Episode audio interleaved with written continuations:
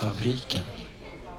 Välkommen till våran podd Kafferast i Kunskapsfabriken. Och då har jag idag två gäster som heter Kitty Lassinanti och Anna-Lena Almqvist. Vilka är ni? Vill Kitty börja? Ja, jag är disputerad i sociologi och eh, så sociolog i botten men har jobbat sista, senaste fem åren mm på avdelningen för socialt arbete i, på Mälardalens universitet. Så att jag ja, ja. undervisar blivande socionomer och mm. Eh, har forskning då som har basen i sociologi men också i socialt arbete riktad mot det. Och Anna-Lena? Mm. Ja, nej men jag jobbar och är docent i socialt arbete då också vid Mälardalens universitet numera, sedan 1 januari förra året. Mm. Ehm, och eh, jag har också disputerat i sociologi och sen mm. har det mm. gått mera mot det sociala arbetets håll, så som med just detta nu med unga som vi jobbar med i det här projektet som vi ska prata, prata om idag. Om idag. Mm. Och det vi ska prata om idag det handlar väl om vem är det egentligen som är komplex? och vi ska prata mm. om komplexitet. Det blir ett grundtema idag. Och vad, hur skulle ni beskriva begreppet komplexitet? Eller? Ja, det är ju någonting som jag och Anna-Lena har brottats mycket med i det här forskningsprojektet när vi först, eh, ja, när vi blev kontaktade då av eh, Eskilstuna eh, kommun och de olika de två regionerna där i Sörmland och Västmanland och Västerås stad som ville att vi skulle hjälpa dem att titta på den här gruppen som de kallade unga, för, unga med komplexa behov. Mm. Och eh, vi började då med att försöka bena i det här och titta i forskning eh, ja, kring den här benämningen, den här beteckningen och eh, som sociolog så är jag också intresserad av sociala konstruktioner. Alltså vad, vad lägger man i ett begrepp som unga med komplexa mm. behov. Vad mm. betyder det egentligen? Och, vad, och så när vi tittade i forskning så finns det en australiensisk forskare som heter Kylie Um, ska se Valentine heter hon, mm. som hade tittat just på det här och såg att i socialt arbeteforskning så för 20-30 år sedan när man använde begreppet komplexitet så använde man det mer för att titta på omgivningen, situationer. Men det blev ett brott där för ja, 10-20 år sedan när man istället började liksom fästa den här beteckningen på individer och grupper och prata om komplexa Aha. behov ja. som att det här liksom eh, finns hos individen eller gruppen. Så att det liksom har blivit någon slags förflyttning där ja. liksom i diskursen kring var det komplexa ligger någonstans. För om man tittar i en ordboksdefinition så är ju komplexitet. Det kan ju dels vara någonting som är svårt att förstå eller förklara eller mm. hantera. Men den andra delen av komplexitet är ju helt enkelt bara att det är en massa sammanhängande delar. Eh, ja. Komplexitet behöver inte vara ett problem. Jag tänker Nej. egentligen, det är ju egentligen värdeneutralt tänker jag mig, att vi är alla ja, komplexa på olika sätt. Men varför blir det här ett problem? Mm. Så det var väl det som vi också ville just undersöka. Det, det, det, är så det adresseras när man säger, åh, så har vi alla de här ungdomarna med komplexa behov. Ja. Mm. Precis, det är som att felet ligger hos dem, ja. att de är komplexa. Men en, vi vill ju försöka vända på det i vårt projekt. Så mm. att, eh, vi fick ju börja med den beteckningen, för det var ju det man hade liksom från verksamheterna. Så kom man ju till oss med den här beteckningen, att det här är de unga med de komplexa behoven. Men sen började vi mer prata om det som att det är unga i komplexa livssituationer och sen i slutet ah. av vårt ah. projekt så hade vi ju hamnat i att det här är unga som möter komplexa organisationer. Det, ah, ja, det är det ni har landat i? det landade vi ja, okay, sen. Vad liksom, spännande. För att vi ville liksom inte att det skulle fastna mm. i de unga. Eh, utan att vi ska titta, rikta blicken mot relationen till eh, ja, organisationer. Ja, relationen till den som säger att du har komplexa behov. Ja. För att se lite, eh, var ligger egentligen det här då? Mm. Och mm. göra en maktförskjutning lite ja, grann där också. ni har gjort flera olika studier så att säga. Vilka, vilka är de? Mm. Jo, för att eh, då utifrån det här uppdraget så ville vi veta vad, vad, finns det? För det handlar ju framförallt om vad, vad, finns det för arbetssätt som då ska stötta dessa unga som initialt då betecknades som unga med komplexa behov. Mm. Så då gjorde vi en litteraturöversikt Mm.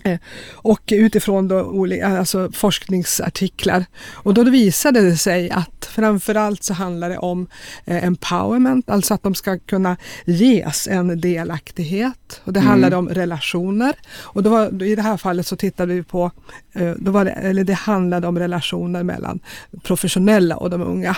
Att skapa relationer där. Ja. Att de, Det var det ja. som var viktigt i Mm. arbetssätt. Mm. Och det som betecknades i den här eh, i i översikten som collaboration, det vill säga att det fanns en samverkan mellan välfärdsaktörer, mellan huvudmän. Så att det, och de här tre delarna fick sedan utgöra grunden i när vi gick vidare i våra eh, intervjustudier.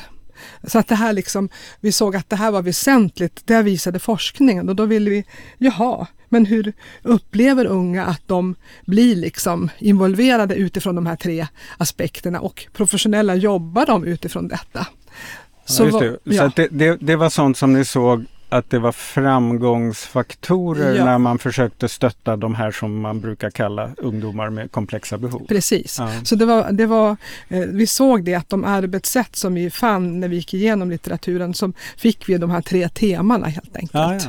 Ja. Men var det också så att man i forskningen kallade de här för ungdomar med komplexa behov eller är det något som verksamheter mera eh, ägn, eh, använder? Ja, tyvärr är det väl så då att den här är en slags complex needs. Det är Mm. en, ett, så att säga, ett uttryck i forskningen. Okej. Så det är liksom youth with, young people också. Mm. with complex needs. Så det är liksom en slags som ett, ebbe- liksom vedertaget Ja. i forskningen. Det är inte bara ett socialtjänstlingo. Nej, Nej, precis. det. precis. Mm. Där finns det ju lite olika kritiska hållningar där också. Jag tänker att även Mm. om man använder begreppet så kan man ju också förhålla sig lite olika till det, precis som vi också har gjort. Vi Ja, har ju också varit, Mm. eh, vi har ju använt begreppet men vi, vi skriver in det med lite förbehåll. Just, man nej, säga. men det finns ju lite olika Ja. perspektiv på det. Vad vi sen gjorde det var att vi gick vidare till att intervjua professionella. Mm. Och då här, i det här fallet så var det professionella inom både socialtjänst och psykiatri för vi ville liksom försöka belysa då olika perspektiv. Och det, visar, och det här också i uppdraget så var det ju framförallt de här två huvudmännen då. ja, Så att, och, och, kommun och region. Ja, precis, kommuner och regioner. Så att då eh, studerade vi, det var liksom den, eh, de eh, personerna som fick komma till uttryck. Eh, och sen så fortsatte vi till unga. Mm. Och det var unga då som så att säga ansågs ha då komplexa behov. Och det kunde vara allt från, det handlar om olika former av neuropsykiatriska funktionsnedsättningar och även inom missbruk. Så det var liksom Mm. olika liksom, det var- bevekelsegrunder. och det var de kunde ha, ungdomar som-. Hade någon kontakt med socialtjänst precis. och eller psykiatri? Kravet var att de skulle ha eh, kontakt i alla fall, vi vill ju helst med bägge då, Ja, både det. socialtjänst och psykiatri. Så de hade liksom multipla huvudmän och det var Mm. därför att det var ju mycket i det som den här komplexiteten som de upplevde. Att Ja, det det. problematiska i att ha flera kontakter och Mm. hur, hur funkar det här och ja, då kommer vi in på alla de här resultaten Mm. vi har fått. Så vi har ganska, det har blivit en del resultat. Ja, hur, hur länge hade ni hållit på med det? det Ja, det var faktiskt, vi sa det, lite historiskt datum, det var faktiskt 7 september 2016 som vi Jaha. var på, det var ett första strategimöte. Och här står Ja. vi nämligen och spelar in den 7 september 2023. Så att, eh, sju år Ja, så eh, har, har- ni hållit på. Vi har en del och, Och ni är inte riktigt klara än. kunskapsbank. Det finns mer att göra, absolut. Ja. Och så. Men det kan vi återkomma till. Men det är också intressant att ni har studerat under så lång tid. För att då kan man ju också fundera på hur, hur er förståelse för det här har utvecklats under de här åren. Och förändrats. Och precis. förändrats, ja. Ja. just det. Om vi börjar med de unga, vad, vad hade de att berätta då? Ja, de unga, då eh, intervjuade vi ju 16 unga personer mellan nu ska se, 15 och 22 var väl det Mm. tror jag. Och eh, vi använde oss av begreppet eh, erkännande eller recognition för att komma åt lite grann det de berättade för oss, hur vi skulle tolka och förstå det. Är det en slags forskningsbegrepp som man kan använda för att, eller? Ja, det är ju en filosof som heter Axel Honneth Mm. som har skrivit mycket kring det här erkännande begreppet. Det finns ju andra också Ja. använt det, men nu, vi utgick ifrån Honneths begrepp Mm. och eh, han tänker ju kring erkännande som att det kan ta sig uttryck på olika sätt. Det finns på olika nivåer. Dels är ju erkännande någonting som finns i relationer. Mm. Att varje liksom relation rymmer liksom en dimension av erkännande eller dess motsats då brist på erkännande.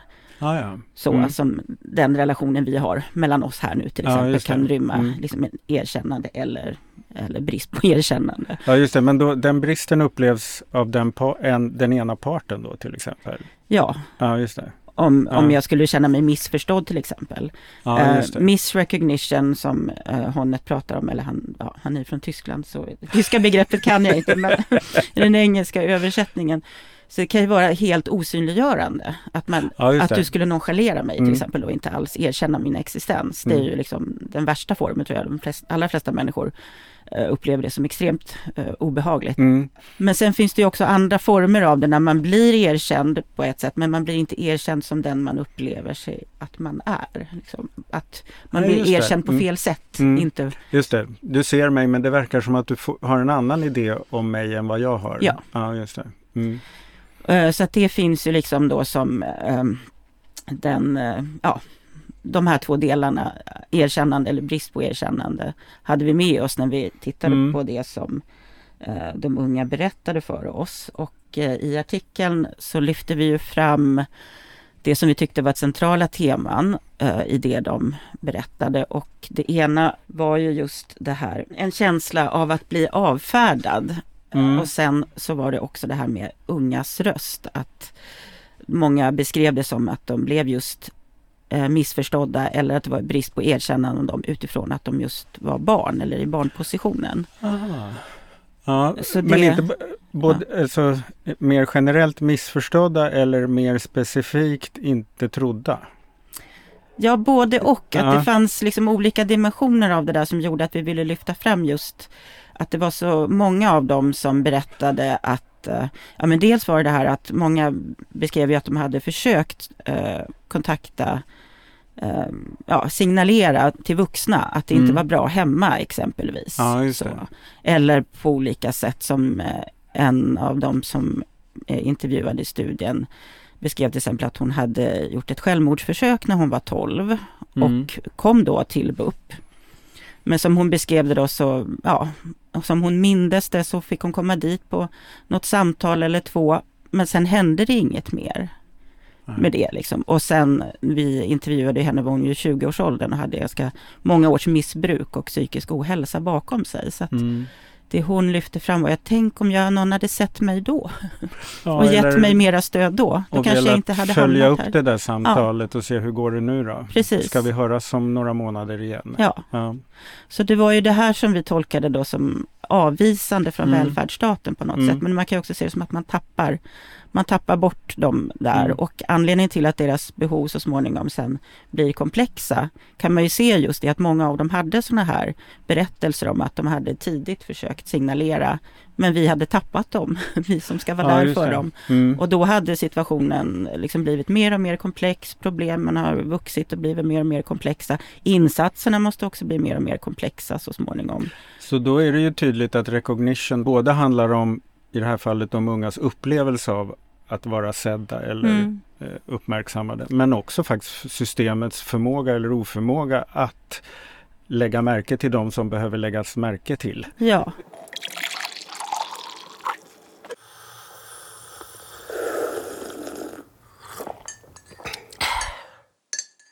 Ja, men som någon av dem vi intervjuade eh, berättade att hon upplevde att fast hon var 15 så pratade de professionella hon träffade till henne som att hon var ett barn, alltså på Mm. fel sätt, för barnsligt. Så jag tänker att vi behöver också lyfta att vad har vi för föreställningar om barns kompetens och agency pratar man ju om, alltså aktörskap. det. liksom.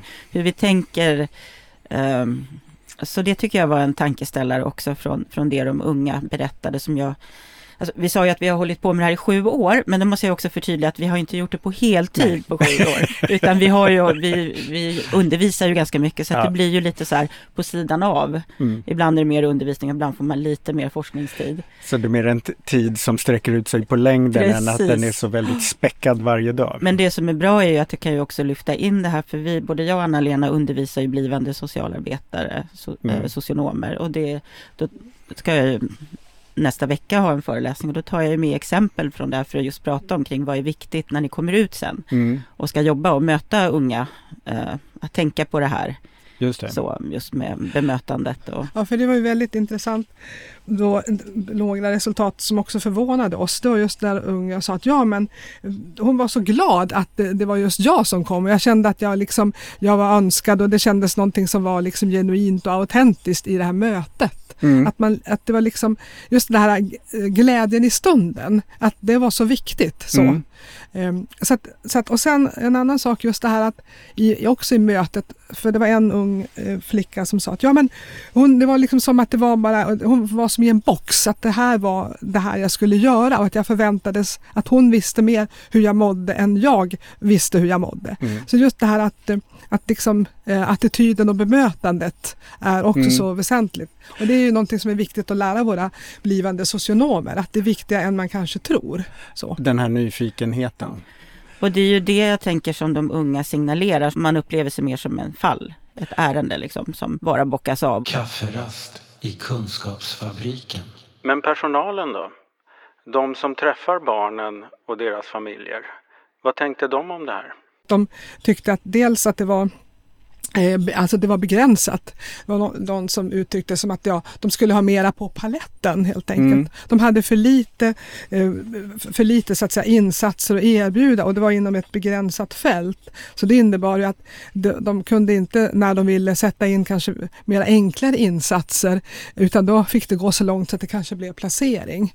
Så, Ja, det var, det, för det det- var någon annan Det är där som... vår verktygslåda Ja. börjar. Ja, utan då är det någon annan enhet då, till exempel som i ett fall LSS, som de då skulle ansöka. Men då kanske inte den här familjen också, hur man såg på LSS, och tyckte men vi är väl inte riktigt där och så. Så att det finns ju, det är ju en, en problematik i det här när man liksom, som är, att det blir så snävt och specialiserat. Mm. Så.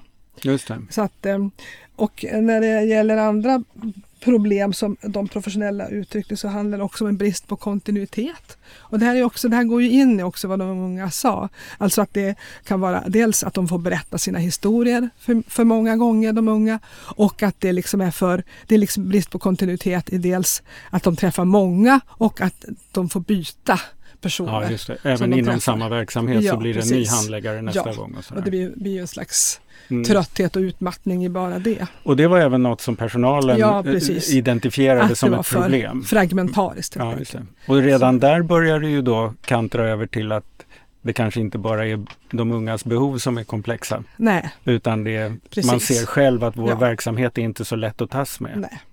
Och det här är en utveckling som vi har tidigare varit inne på för vi har ju pratat med professionella som jobbade kanske för 20, ja menar också även, alltså längre tillbaka i tiden inom då socialtjänsten och social verksamhet som menar på att ja men då, då hade man en, en, liksom en högre, he, ett helhetstänkande på ett annat sätt. Så de Mm. menar på att de hade en överblick över en familjs liksom, behov och resurser på ett Aha. annat sätt.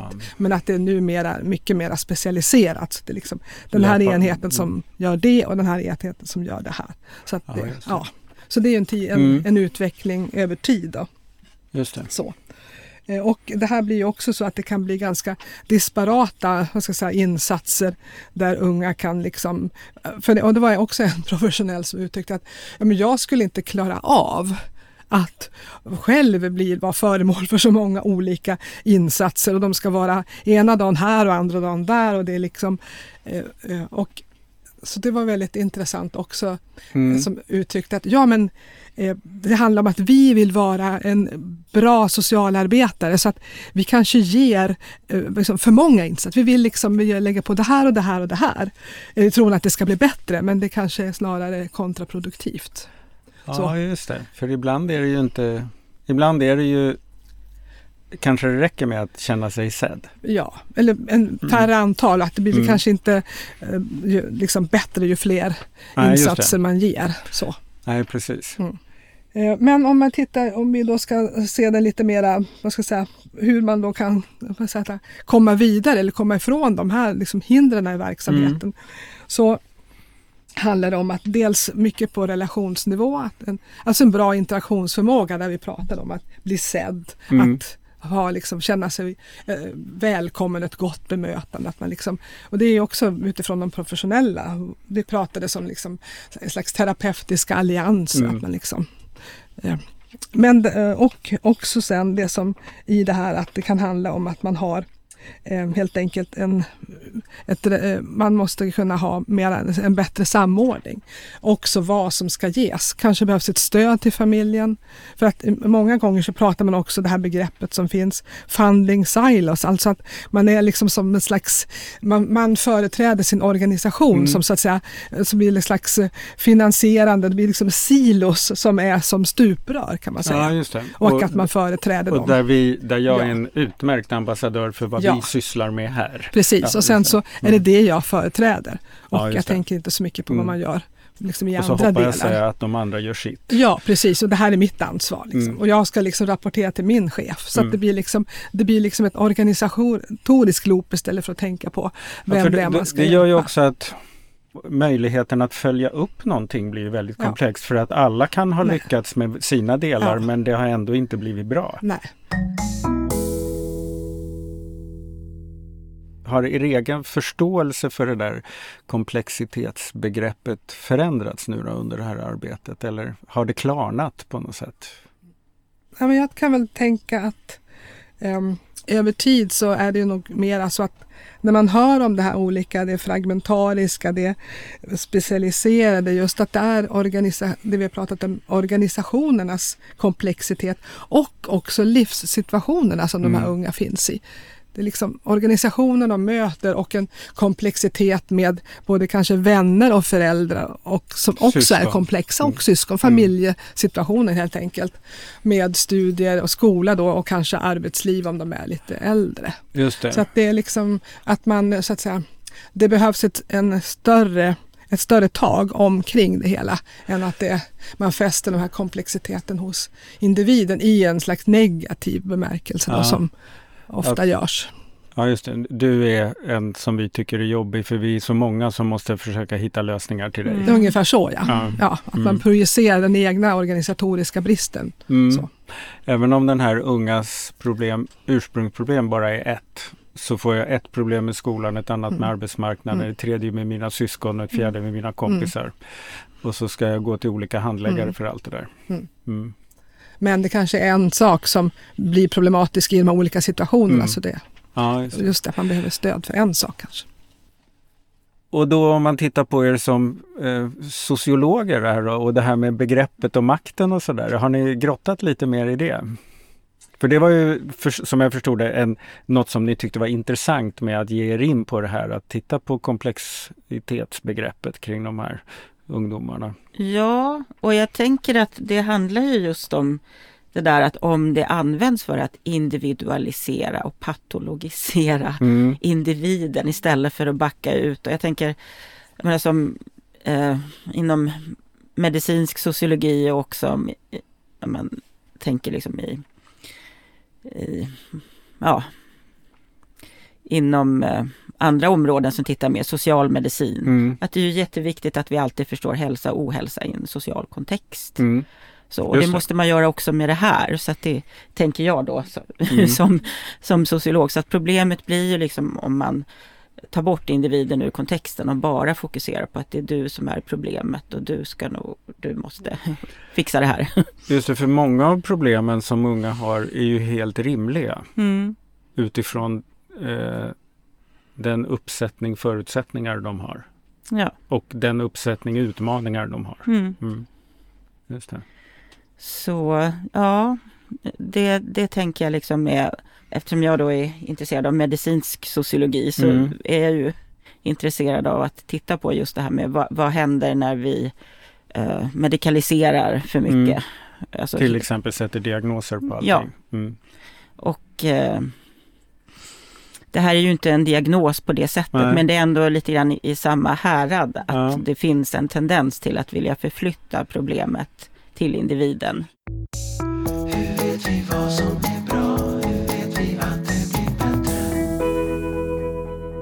Borde vi börja kalla det någonting annat för att liksom hmm. ja. för att skapa ett bättre samhälle eller liksom en bättre syn på utsatta målgrupper? Ja, det handlar ju liksom mycket om Eh, där vi pratar om att inte liksom det här med klapp på huvudet eller prata med barnspråk. Alltså att det här med också som vi initialt såg, alltså delaktighet. Delaktighet i både liksom vad som ska hända och, och berätta om framtiden som de uttryckte. Var, var, alltså ett sätt att eh, alltså synliggöra och, att man, eh, och en delaktighet, att man är med i processen. Mm. Och det gör ju också att, för problemet är ju med den här objektifieringen, för att gör ju att de också kunde känna sig själva alltså stigmatiserade. Alltså mm. Alltså att man tog in eller internaliserade de här de, så att säga, vuxna eller behandlades syn på dem som problem. Ja, just det. Så, och mm. det är ju någonting som man då behöver försöka eller vända på och se liksom att det här är så här ser det ut runt omkring och att man det handlar mer om en slags också respekt för individen mm. så, och en tilltro till de egen, den egna kompetensen tänker jag i det här fallet. Ja just det, du var inne på empowerment i början ja. som en framgångsfaktor. Ja. Att den, den verkar man ju kunna se i, all forskning att ja. den är viktig. Men hur jobbar vi med den? Ja. Och då kanske det här sättet att eh, objektifiera ja. klienten eller brukaren eller den unge faktiskt motverkar syftet att skapa empowerment ja. eller egen makt. ja, precis. Att man kanske, mm. vad vill de själva eller vad ser de själv som framgångsfaktor eller mm. bara sysselsättning, hobby som man kan tänka enkla saker med. Att man, man får ett slags uttryck liksom mm. så. Som kanske sen också kan leda till det är som ett, en yrkesplattform. Så, Men då är det ju definitivt ett problem med det här mm. fragmentiserade stödsystemet vi har. För att det finns ingen mm. som riktigt, ja, mm. socialt arbete är väl kanske de som ligger närmast eller socialtjänsten att titta på hur går det för dig? Mm. Ja. Medan väldigt mycket andra insatser på arbetsmarknad och i skola och i vården så är det, ja fast vi tittar bara på det här mm. och så kollar vi att, hur det går med det mm. och så hoppas vi att det blir bra för dig. Mm. Men det, det är ju väldigt få välfärdsinsatser som skulle kunna säga att vi är intresserade av hela dig och att det går bra för, för dig i det du vill göra. Precis. Och du kunde väl också se att när de var, först många uttryckte men när jag blev 18 eller liksom kunde mer bestämma själv, då kände jag att jag kunde styra mm. Eh, både min så att säga, medicinering, kontakt med vilken sköterska skulle jag mm. ha och, och, att då fick jag någon slags respekt ja, så med, mig, med mm. mig så att säga. Eh, men det var liksom inte då, ofta inte barnet sen unge och ännu tidigare som de då retrospektivt berättade om. Ja, så. Så det, mm. det, det, var ju också en, ett åldersperspektiv i det här. Mm.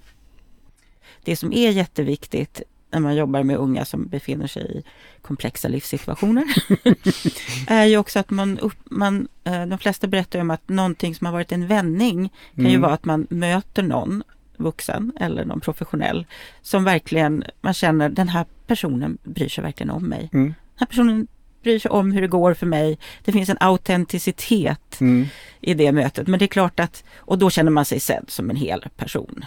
Ja, just det.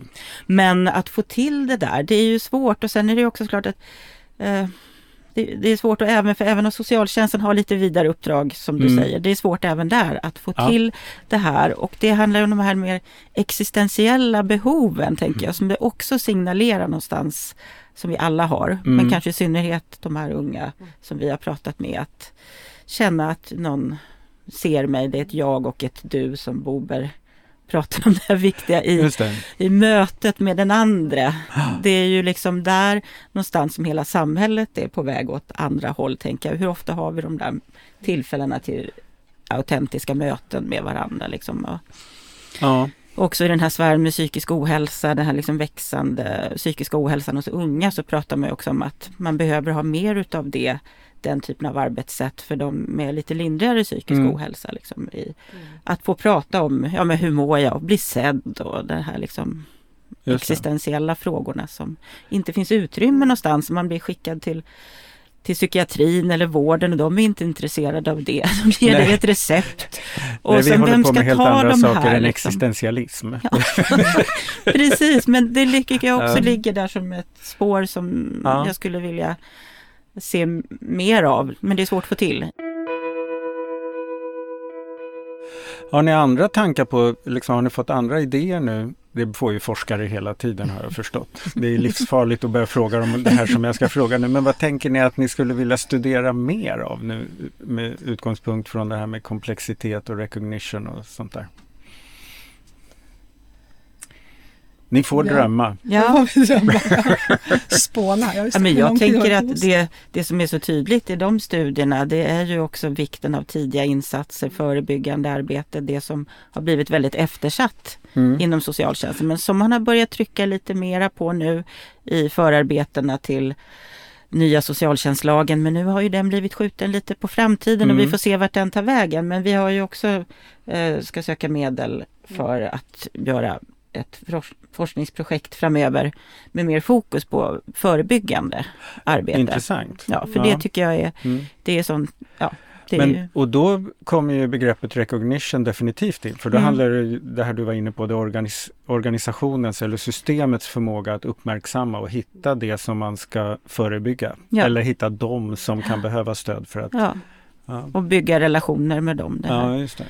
Precis, för där handlar det också mycket om att de som så att säga arbetar, får ju, att de också behöver, eh, bli, det blir synliggjort för dem, hur Mm. jobbar de? De kanske har ett ganska effektivt sätt att jobba förebyggande men det kanske inte är så metodiskt, det kanske inte är efter någon manual men det kanske finns vissa mönster som de ändå Mm. jobbar med. Så det är en del av vad vi vill Att synliggöra för dem själva också. Ja, just det. Så. Att hur säkrar vi att vi upptäcker det Ja, vi behöver precis. upptäcka? precis. Så att, Intressant, Mm. då får väl ni komma tillbaks till podden. om- Ja, jättegärna. det kan vi så ta del två här framöver. Precis. Ja. Eh, men hörni, Mm. stort tack för att ni ville vara med här. Det har Ja. varit berikande. Tusen Ja, tack men för tack att vi så fick komma. väldigt mycket för att vi fick vara med här. Tackar. Den här podden görs av NSPH, Nationell samverkan för psykisk hälsa. Läs mer på vår hemsida www.nsph.se eller följ oss på Facebook. Kafferast i Kunskapsfabriken.